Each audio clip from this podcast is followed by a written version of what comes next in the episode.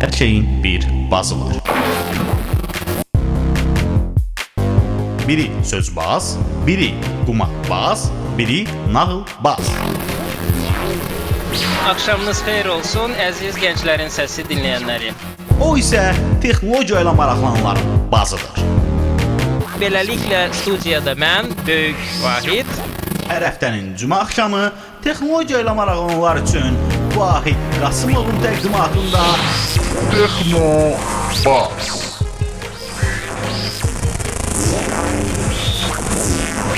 texnologiya ilə bağlı hər şey. Texnobazda. Gənclərin Səsi radiosuna qulaq asanlara eşq olsun. Axşamınız xeyir olsun. Cümə axşamı saatımız do 20:15-i göstərir və Gənclərin Səsi onlayn radiosunun efirində canlı olaraq yayımlanan Texnobaz verilişi artıq 31-ci dəfədir ki, efirdədir. Bu qədər verilişi hazırlamaq heç də asan deyildi. Gördüyünüz kimi səsim də batıb. Bu qədər əziyyətə dözdüyümüzə görə bizə artıq zaval yoxdur. Bizə səbrlə qulaq asanlara eşq olsun deyirəm, təşəkkürlərimi bildirirəm. Bizi ilk dəfə qulaq asanların nəzərinə isə çatdırmaq istəyirəm ki, Texnobaz Gənclərin Səsi onlayn radiosunun efirindəki texnologiya marağı olan ümumdünya texnologiya xəbərləri, yerli texnologiya yenilikləri və milli texnologiya həyatı haqqında biri-birindən maraqlı qonaqlarla müxtəlif mövzularda cap canlı gedən bir verilişdir. Canlı olaraq efirə çıxmaq da ümumiyyətlə heç də asan deyil. E, canlı olaraq bizə qulaq asmaq da asan olmamalıdır. Buna görə də bizi canlı olaraq ə, qulaq asa bilmirsinizsə, ə, bunu qeyd etmək istəyirəm ki, Texnobazın bütün əvvəlki verilişlərə gsr.fm saytına daxil olaraq verilişin arxivində tapıb bütün ə, əvvəlki verilişləri saytdan dinləyə bilərsiniz. Çətinlikləri biz sizin üçün asan edirik. Ə, Texnobazda hər həftə olduğu kimi ə, biz həmişə söz veririk ki, yeni-yeni qonaqları dəvət edib yeni mövzular haqqında söhbət edirik, edəcəyik. Çətin də olsa sözümüzü tutmağa çalışırıq. Neçənci dəfədir və nə qədər də asan olmasa bu kiçik studiyaya bu gün yenə də düz 2 dənə qonağı dəvət etmişik. Bugünkü texnobazlarımız Anar bəy və Ceyhun bəydir. Beləliklə studiyada düz 3 dənə texnobaz var. Xahiş edirəm özünüzü təqdim edin. Anar bəy sizdən başlayaq. Axşamınız xeyir Vahid bəy. Mən Anar Hüseynov, Azərbaycan Respublikasının prezidenti yanında vətəndaşlara xidmət və sosial innovasiyalar üzrə Dövlət Agentliyinin ictimai əlaqələr sektorundan. Heç də asan olmayan bir addır. bəli, bəli, elədir. Yəni həqiqətən də ümumi agentliyin adı biraz uzun da səslənsə, amma ümumi işimiz çox asan, rahat və şəffafdır. Aha. Ə, bu rahat, asan və şəffaf ə, deməli mühitdə növbəti qonağa keçək. Axşamınız xeyir olsun. Bütün dinləyiciləri salamlayıram. Mən Dövlət Agentliyinin Sosial İnnovasiyalar və Strateji Araşdırmalar şöbəsinin müdiri Ceyhun Salmanov. Bu qədər uzun bir adı ə, internetdə axtardığımız vaxtı qabağımıza Google-da çıxan bir dənə ünvan var. www.asan.az. Yəni ki, çətinlikləri asan etmək üçün hər halda bu qədər gözəl bir ad seçilib ə, və həqiqətən də rahat bir saytdır. Bir çiçəyə oxşuyur. Bəlkə onu başqa şeyə oxşatmaq istəmirsiniz. Bilmirəm. Yox, yəqin ki, siz indi bir Asan haqqında, ümumi bizim agentlik və Asan ə, xidmət mərkəzləri haqqında bir qısa bir məlumat verməyimiz məncə yerinə düşərdi. Düşərdisə verin.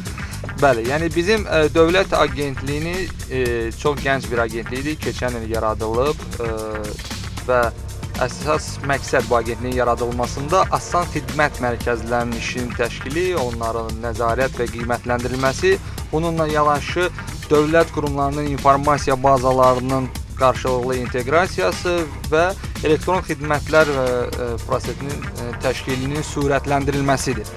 Hal-hazırda bizim indi istiqam e, fəaliyyət istiqamətlərimizdən biri 9 dövlət qurumunun vahid məkanda göstərdiyi 25 e, hüquqi xidmət və e, 22 funksional yardımcı xidmətləri vətəndaşlarımıza çox rahat, şəffaf bir şəkildə təqdim etməsi. O 9 dənə qurum hansı Ceyhun bəy? 9 dənə qurum deməli bu Daxili İşlər Nazirliyidir, Vergilər Nazirliyi, Ədliyyə Nazirliyi, Dövlət Torpaq və Xəritə Çəkmə Komitəsi və digər bu kimi qurumlardır ki, ə, Ədliyyə Nazirliyinin eyni zamanda notariat fəaliyyəti və ə, vətəndaş vəziyyətlərinin dövlət qeydiyyatı və s. xidmətlər. Ə, Nəyə görə məhz bu 9 dənəsi seçilib? Dövlətin başqa qurumları yoxdur vətəndaşlara baxan. Yoxsa ən çox istifadə olunan bunlardır, səbəbi nədir? E, bildirmək istəyirəm ki, bu xidmətlər kütləviliyi baxımından da fərqlənən xidmətlərdir. Eyni zamanda vətəndaşların daha çox maraq duyduğu xidmətlərdir. Bunlara misal olaraq məsəl üçün sürücülük vəsiqələrinin dəyişdirilməsi, şəxsiyyət vəsiqələrinin verilməsi və sair ümumi vətəndaş pasportlarının verilməsi kimi xidmətlər çox kütləvi xidmətlərdir. Və asan xidmət mərkəzlərində də ən çox müraciət olunan xidmətlər bunlardır. Eyni zamanda burada əmək pensiyalarının təyin edilməsi və e, deməli forma birlərinin verilməsi və s. kimi digər xidmətlər isə daha çox vətəndaşların maraqlı olduğu xidmətlər olduğu üçün Mhm. bu xidmətlərin asan məşədə göstərilməsinə önəm verilmişdir.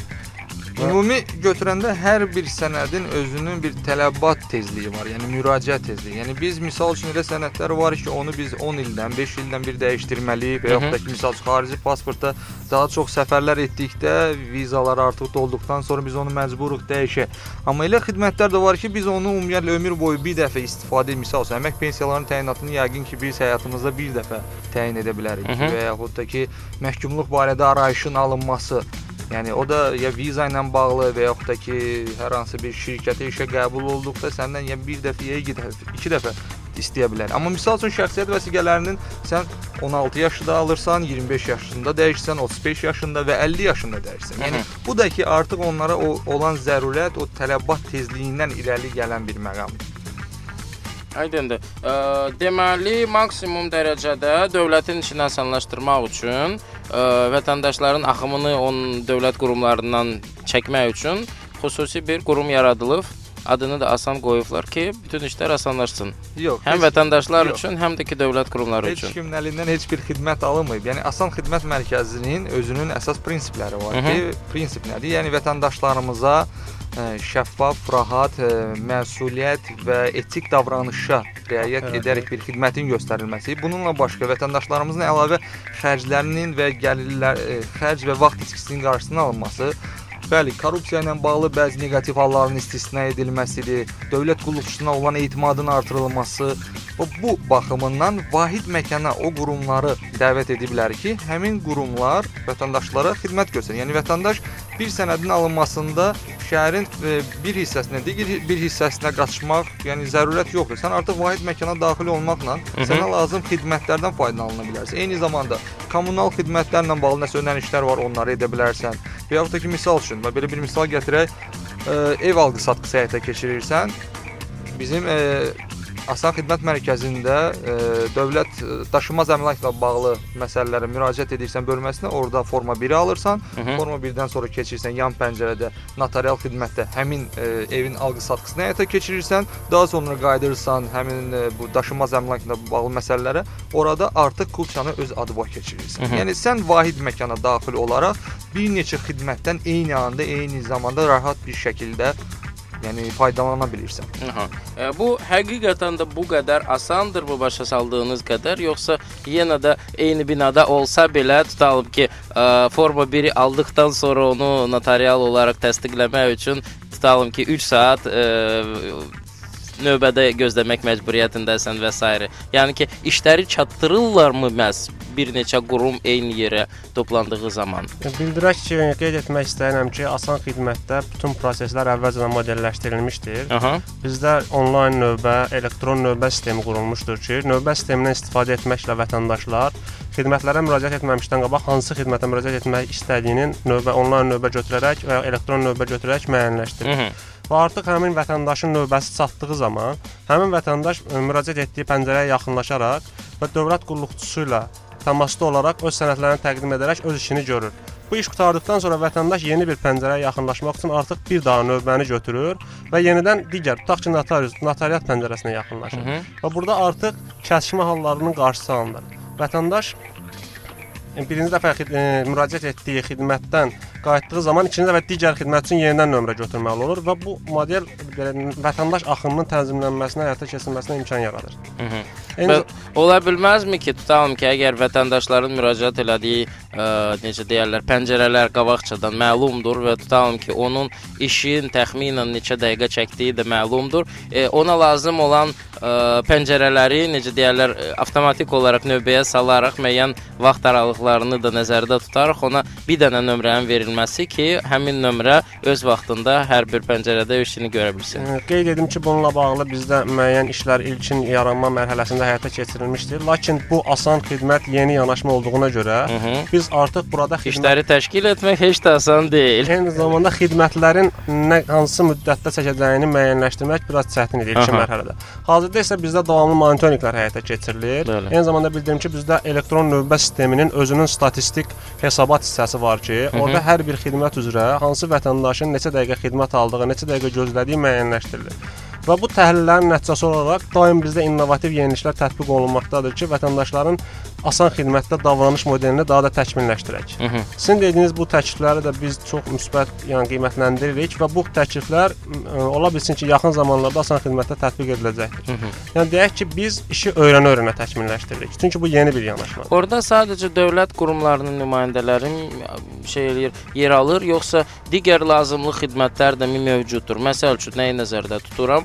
Ə, Bizim indiyə qədər asan olmadığı zaman, ə, məsələn, şəxsiyyət vəsiqəsi və ya xarici pasport aldığımız vaxtda onunla qarşılaşırdıq ki, ə, müxtəlif ə, arayışlardan başqa bir də tutalım ki, ə, foto şəkil, ondan sonra nə bilim tibbi arayış və ya ola bilsin ki, ə, müxtəlif kserokopiyalar kimi şeylər də ə, lazım olurdu. Bunun üçün də ə, binadan ə, çölə çıxıb başqa yerlərdə tutalım ki, foto atelyeyə getmək, kserokopiyadan istifadə etmək və s. kimi ə, xidmətlərə ehtiyac var idi. Yəni ki, bunlar nəzərdə tutulubmu? Sizin nəzdinizdə foto atelye və ya ola bilsin ki, kserokopiya fəaliyyət göstərirmi? Yəni daha öncə qeyd etdiyim kimi 25 hüquqi xidmətlə yanaşı 22 funksional yardımcı xidmətlər. Yəni Aha. həmin bu yardımcı xidmətlərin arasında həm fotostudiyadır, həm tibbi arayışların verilməsidir, həm təcrübə mərkəzləridir, Hı -hı. həm e, hüquqi xidmətin göstərilməsi, kommunal xidmətlərin ödənilməsi, cərimələr, dövlət rüsumlarından. Yəni bizdə asan xidmət mərkəzinə daxil olduqda siz artıq bütün o şəxsiyyət vəsiqəsini almaq istəyən bir gənc Hı -hı. şəkil çəkdirməlidir.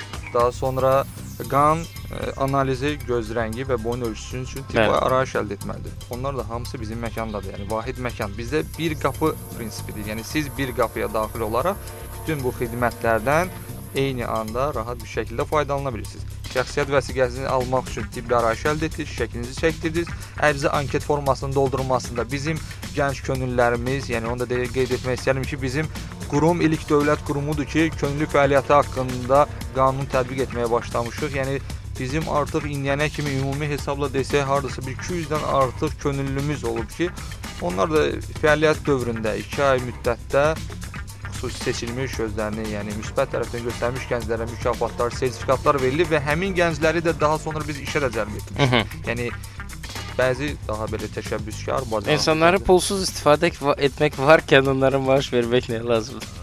Yox, orada bir məqam var. Görürsüz, misal üçün indi Avropada bu volontyorluq ə, Aha. praktikası çox geniş tətbiq olunur misal. Avropada böyük bir institutlara gedirsən, orada görürsən ki, 25-30 yaşda bir şəxslər volontyor kimi, yəni könüllü kimi fəaliyyət göstərirlər. Bəli. Bizdə biraz o yanaşma problemləri var ki, bizə deyəndə könüllü, hə pul vermirsə, onda o iş nə olur? Amma bir məqam da var ki, siz bilirsiniz ki, misal üçün institutu bitirdikdən sonra işə qəbul olmaq çox çətindir. Bəli, Amma bəli. təcrübəli kadr axtarır. Hı. Həmin bu Hal-hazırda volontyor ə, cəl cəlbiniz davam edirmi, yoxsa artıq o mərhələ keçilən? Yox, hazırda artıq bitib. Çünki bizim yeni mərkəzlər fəaliyyətə başladı, amma Çünki nəyə görə soruşuram? İndi yay yaxınlaşır. Universitet tələbələri ə, necə deyirlər, siniflərini, kurslarını bitirdikdən sonra 1-2 ay boşda olacaqlar. Yəni təcrübə əldə etmək və eyni zamanda praktika keçmək, təcrübə keçmək kimi imkan varsa sizin qurumda sizə müraciət eləsinlər. Bəli, yəni biz mütəmadi olaraq həm sosial şəbəkələr vasitəsilə, həm elektron key vasitəsilə biz məlumat ötürürük. Biz hardasa sonuncu dəfə bir, bir ay bundan qabaq elan verdik Hı -hı. və bu yeni açılan mərkəzləri üçün artıq könüllüləri cəlb etdik. İndi bizim qarşıda yeni bir mərkəzlərimizin açılacağı və fəaliyyətə başlayacağı nəzərdə tutulub. Əlbəttə ki, bir müddət sonra biz bu elanı yenə də paylaşacağıq və könüllü qismində, yəni bizim e, mərkəzlərdə çalışmaq istəyən gəncləri böyük məmnuniyyətlə biz cəlb edəcəyik. Bu ara ağlıma e, bir e, lətifə gəlib. Belə deyək də, ə, Sovet vaxtına aid olan bir lətifə uşaq bağçasında soruşurdular ki, ə, Sovet İttifaqında vəziyyət necədir? Hamı da tərifləyirdi. Ondan sonra bir qız ağlamağa başladı. Soruşdular ki, "Bala, niyə ağlayırsan?" Dedi ki, "Sovet İttifaqında yaşamaq istəyirəm." Yəni siz bu qədər asan xidməti təriflədiniz. Bu asan xidmətə getmək istəyirəm artıq. Yəni asan xidmət harda var?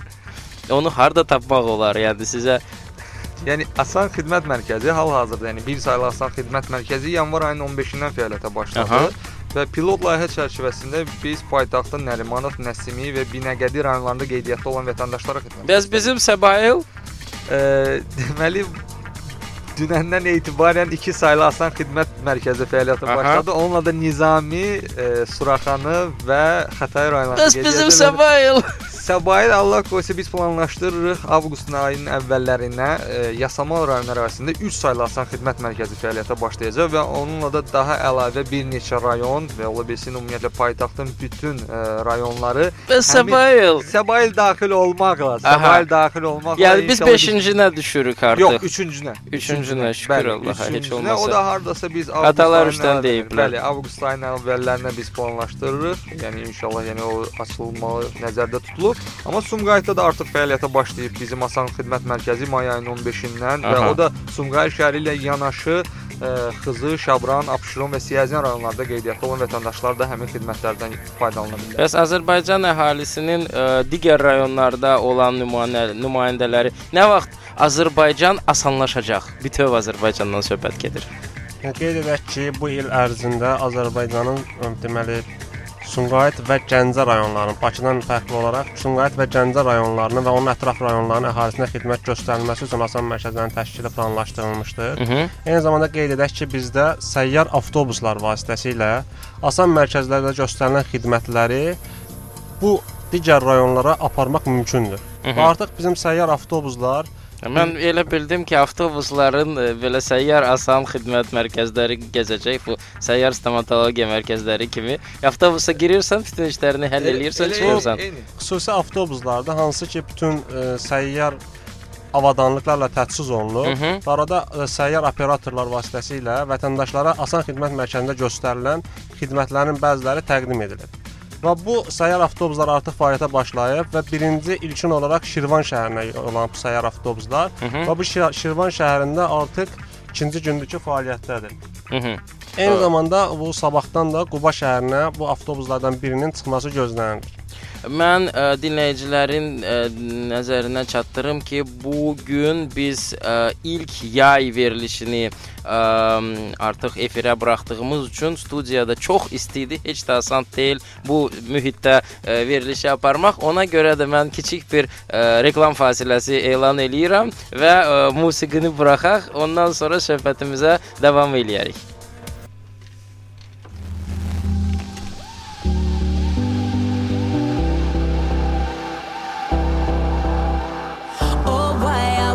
Waiting so long? I'm suffocating. Oh, why are we are waiting so long? I'm suffocating.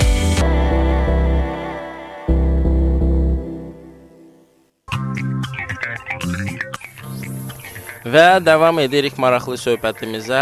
Ə, yadınıza salım ki, bizim studiyada bu gün ə, çox gözəl maraqlı söhbətin aparılması üçün dəvət elədiyimiz ə, elə bir qurumdan insanlar gəliblər ki, onun adını söyləmək heç də asan deyil. Bu Azərbaycan Respublikasının prezidenti yanında vətəndaşlara xidmət və sosial innovasiyalar üzrə dövlət agentliyidir.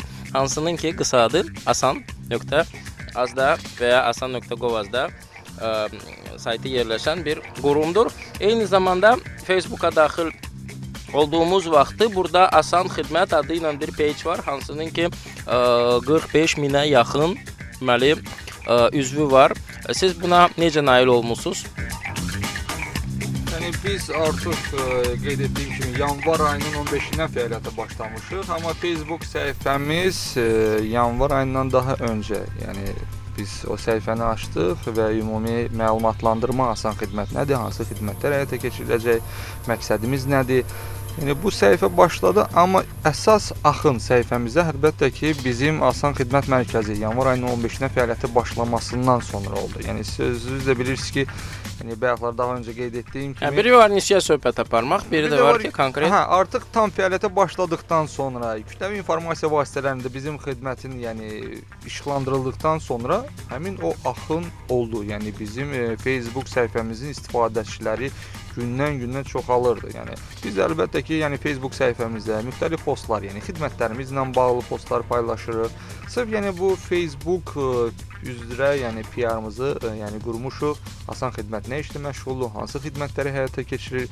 Yəni vətəndaşlarımıza çox rahat bir şəkildə bizim həyata keçirdiyimiz işlər barədə məlumat veririk və onunla da yanaşı bizim xidmətlərlə bağlı vətəndaşlarımız da, yəni bizim followerlərimiz, istifadəçilərimiz də suallar ünvanlayırlar. İndi hal-hazırda e, nəzərə alsaq ki, bizə 45 minə yaxın e, istifadəçimiz var. Biz günə hardasa bir 200-dən 300-ə yaxın bir istifadəçinin müxtəlif sənədləşmə işləri ilə bağlı suallarını cavablandırır. Bu qədər sizin e, ziyarətçiniz varsa, siz öz ziyarətçilərinizə müəyyən suallar ünvanlayırsınızmı? E, feedback almaq üçün, məsəl üçün, e, daha asan xidmətlərinin e, asana qoşulmasını istəyərdiniz və ya tutalım ki, xidmətlərimizdən faydalanmısınız, hansı e, cəhətlərindən xoşunuz gəlib və ya gəlməyib? Bəli, yəni biz o feedbacklərlə bağlı məlumatlar, yəni o sualları post e, qismində paylaşırıq. Bundan da başqa onu qeyd edim, bizim ümumiyyətlə bu Azərbaycanda 1 milyondan artıq Facebook istifadəçisi var. Düzdür, ondan hardasa aktivi bir 20-25% aktiv e, userlar olduğu üçün çox da oradan da bizim səhifədə də çox fəallar. Yəni daim hər hansısa bir feedbacklər postda, inboxlarda, yəni hər hansı bir postun altında şərh e, qismində yəni paylaşırlar. Yəni biz də mütəmadi olaraq əlbəttə ki, öz suallarımızı paylaşırıq ki, daha nə nəyi bəyəndiniz, asan xidməti seçməklə nə əldə edirsiniz? Yəni belə mütəmadi suallar biz bölüşürük ki, bir müəyyən bir diskussiya yaradır. Facebooka gəlmiş ikən bizim hər halda ə, çox aktiv dinləyicimiz, aktiv nəyə görə deyirəm? Çünki postumuza artıq 5 dənə sual yazıb ə, sizə ünvanlanacaq. Ə, deməli, sualım belədir deyir Nemət İsmailov. Sizin işçi kimi seçdiyiniz insanları hansı kriteriyalara görə seçirsiniz? Hə, qeyd edim ki, bizim ə, dövlət agentliyi Mhm. ə, dövlət qurumu olduğu üçün bizim yəni kadrlar seçimi dövlət qulluq komissiyasının ə, yolu ilə həyata Yəni keçirilir. imtahan vermək Bəli, lazımdır. imtahan, yəni imtahan, müsabiqə. Hətta volontyor kimi işlətdiklərinizi də imtahana daha sonra Deməli, tabe bi- tutursunuz. Bəli, əlbəttə ki, yəni onlar volontyor kimi, könüllü kimi fəaliyyətə başlayırlar. Hı -hı. Yəni onların könüllü müddəti bitdikdən sonra onlarla bir hardasa müsahibə keçirilir. Bunlar bu dövrdə hansı bilikləri əldə etdilər və onlar mü- müddətli müqavilə əsasında işə cəlb olunurlar, amma əlbəttə ki, daha sonra tam yəni bu tam ştata daxil olmaq üçün onlar dövlət qulluq komissiyasının imtahanlarından mütləq şəkildə yəni keçməlidirlər. Həmin adam yazır ki, mən ora iş üçün sənəd təqdim etmişəm, heç bir cavab verilməyib, heç könüllü kimi də qəbul etmədilər. İndi mənə deyin, siz öz nümayəndələrinizi və ya volontyorlarınızı hansı kriteriyalara görə seçirsiniz? Yəni o biz daha öncə o qeyd etdik o yanaşma məsələsini biz misal üçün sonuncu dəfə könüllülərlə Yox, adam özü istəyir ki, pulsuz olaraq sizdə bilirəm, işləsin. Yox, bilirəm. Yəni indi onu mən gələcəm o məsələyə.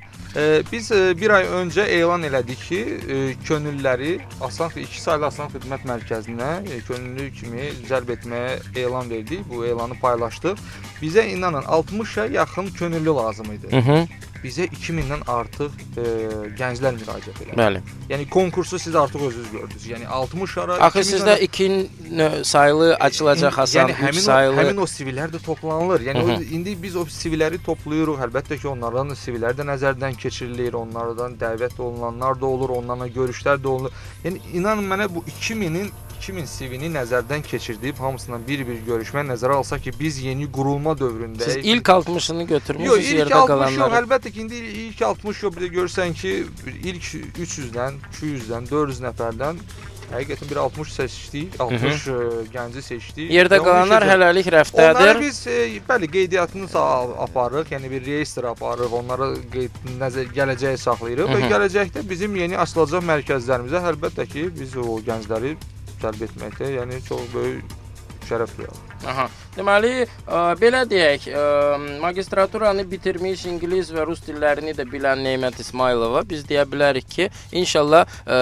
Səbayla xidmət göstərəcək ə, Asan mərkəzi açıldığı zaman onu ora heç olmasa volontyor kimi cəlb edə biləcəksiniz. Yəni mən Nemət bəyə məsləhət görərdim öz CV-sini HR özü bir məqam da var ki, HR ət işarəsi asan.gov.az Hə. elektron ünvanına subject mövzu bölməsində könüllü sözünü qeyd etməklə Aha. ə, göndərməsini xahiş edərdik. Aha. Çünki İngiliscə bilməyənlər üçün hırı at asan Hırı nöqtə ə, as ə, ünvanına deməli könüllü olduğunu qeyd edərək Bəli, bəli. deməli CV-sini göndərməyi məsləhət görürsünüz və e, artıq e, belə deyək canlı efirdə inandırırsınız ki, həmin CV İnandırmıram. Yəni şansını denəsin necə deyirlər. Yəni göndərsin CV-sini. Əlbəttə ki, bizim, yəni insan resursları departamentinin əməkdaşları o CV-ni dərhal alırlar, qeydiyyata salırlar və gələcəkdə yeni siz qeyd etdiyiniz kimi bizim yeni mərkəzlərimiz fəaliyyətə Hə, onlara bir də desəniz ki, həmin maillara heç olmasa cavab versinlər ki, okey, sizin CV-nizə baxacağıq.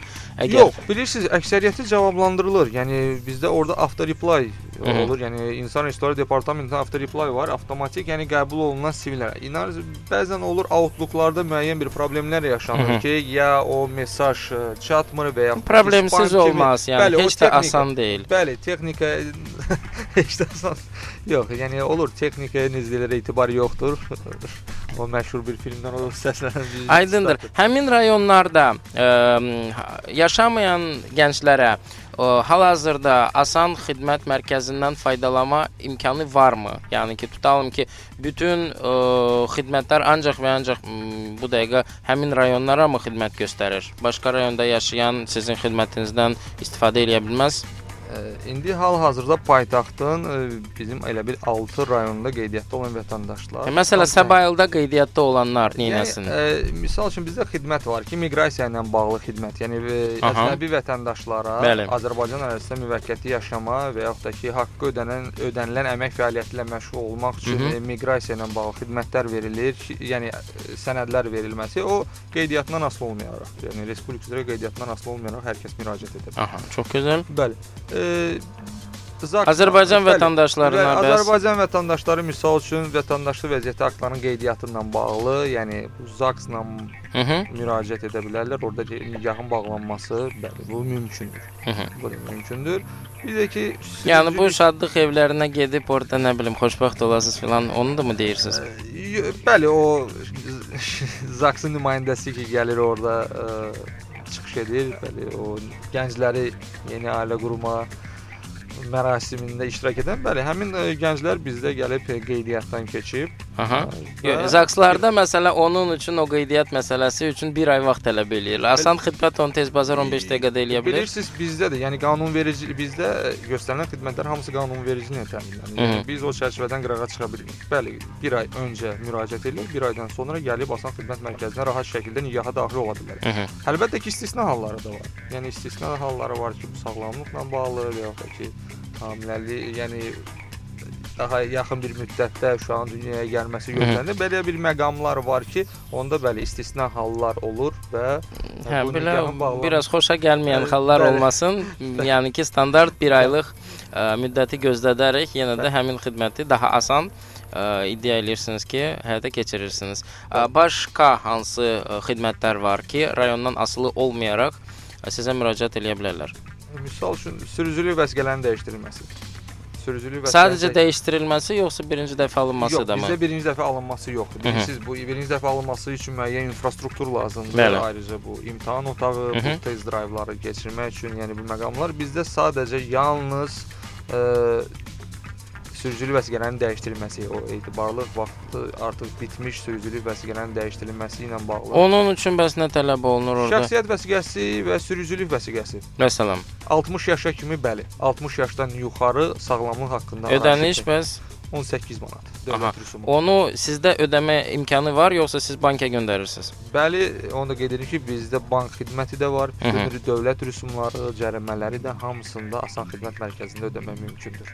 Aha, çox gözəl. Ə, hamısını özünüzdə cəmləşdirmisiniz. Onda belə provokativ bir sual.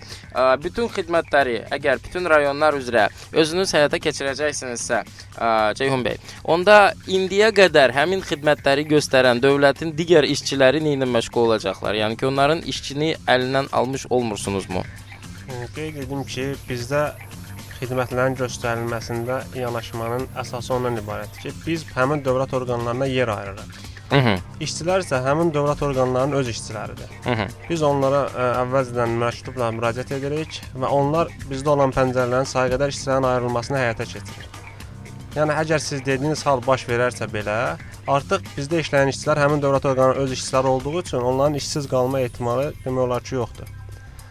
Onda bir balaca bu məsələni başa düşmədim. Yəni ki, am, belə bir şey var ki, demisiniz ki, düzdür, bu əsas şey olmasa belə, ə, korrupsiya hallarının ortadan qaldırılması üçün, aradan qaldırılması üçün Asan Xidmət Mərkəzi qurulub. Yəni həmin işçi əgər başqa bir dövlət orqanına korrupsiya ilə məşğul olurdusa, ondan sonra sizə gəldikdən sonra bununla məşğul olmursa, bu nə deməkdir? Bildirim ki, bizdə asan xidmətdə əsas yanaşma ondan ibarətdir ki, dövlət qulluqçusu ilə vətəndaş arasında təmas olmasın. Yəni Yəni bizdə və sistem belə qurulub ki, vətəndaş növbə götürdü, götürdükdən sonra Mhm. dərhal yuxarı post banka və ya bank xidmətlərinə müraciət edərək rüsumu ödəyir. Mhm. Və rüsumu ödədikdən sonra aldığı qəbz vasitəsilə həmin pəncərəyə yaxınlaşaraq dövlət orqanının nümayəndəsinə təqdim edir. Və dövlət orqanının nümayəndəsi ilə vətəndaş arasında heç bir ödəmə və s. vəsait məsələləri olmur. Hı. Ödəmələr yalnız Postbank və ya bank filiallarına və ya bizim mərkəzdə yerləşən Postbanka ödənilir. Yəni, adətən normal dövlət qurumlarında da ə, belə deyək də, müzakirəli hallar olmadıkca ə, əlavə ödəniş tələb olunmur. Yəni ki, adətən mən hansısa ə, tutalım ki, sənədi vaxtımdan növbədən əvvəl və ya tutalım ki, necə deyirlər, xüsusi şəraitdə almaq istədiyim zaman ə, müəyyən ə, tutalım ki, yollara başvurmalı oluram.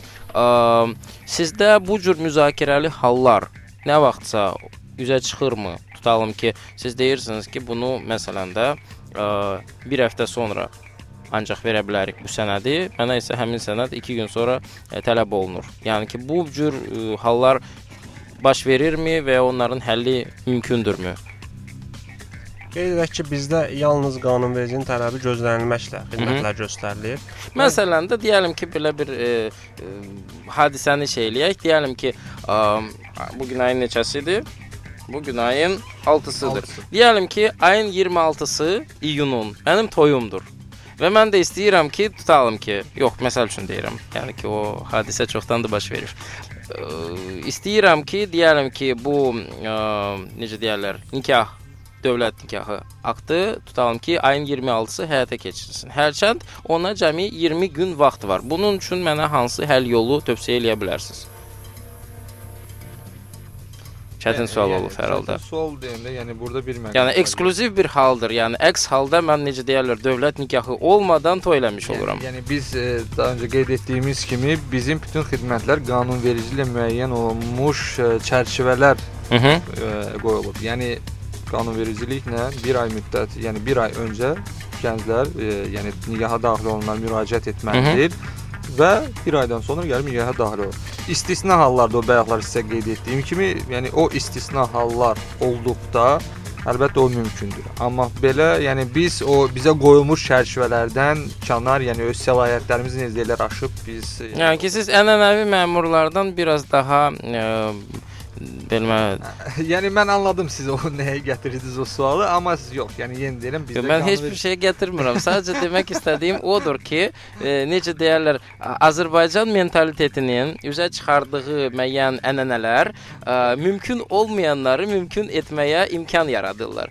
Siz e, çətini asan etməyə imkan yaratdığınıza görə, yəni ki, müəyyən bir e, nə bilim, mexanizmlər olmalıdır. Məsəl üçün, əvvəllər xarici pasportu qısa müddətdə almaq üçün həmin mexanizmlərə müraciət etmək lazım idi. Hal-hazırda ehtiyac yoxdur. Gedirsən, dövlət rüsumunu daha artıq ödəyirsən və 1 ayda alacağın şəxsiyyət xarici pasportunu 1 həftə kimi qısa bir müddətdə alma imkanın var. Yəni ki, bu cür şeyləri nəzərə alıram mən əslində. Bəli, yəni o siz düz qeyd edirsiniz ki, xarici pasportu bizdə qanunvericiliklə 1 ay müddətində 40 manat dövlət rüsumu ödəməklə əldə edə bilərsiniz Mhm. və 5 gün 5 iş günü müddətində də 120 manat ödəməklə o pasportu əldən edə bilərsiniz.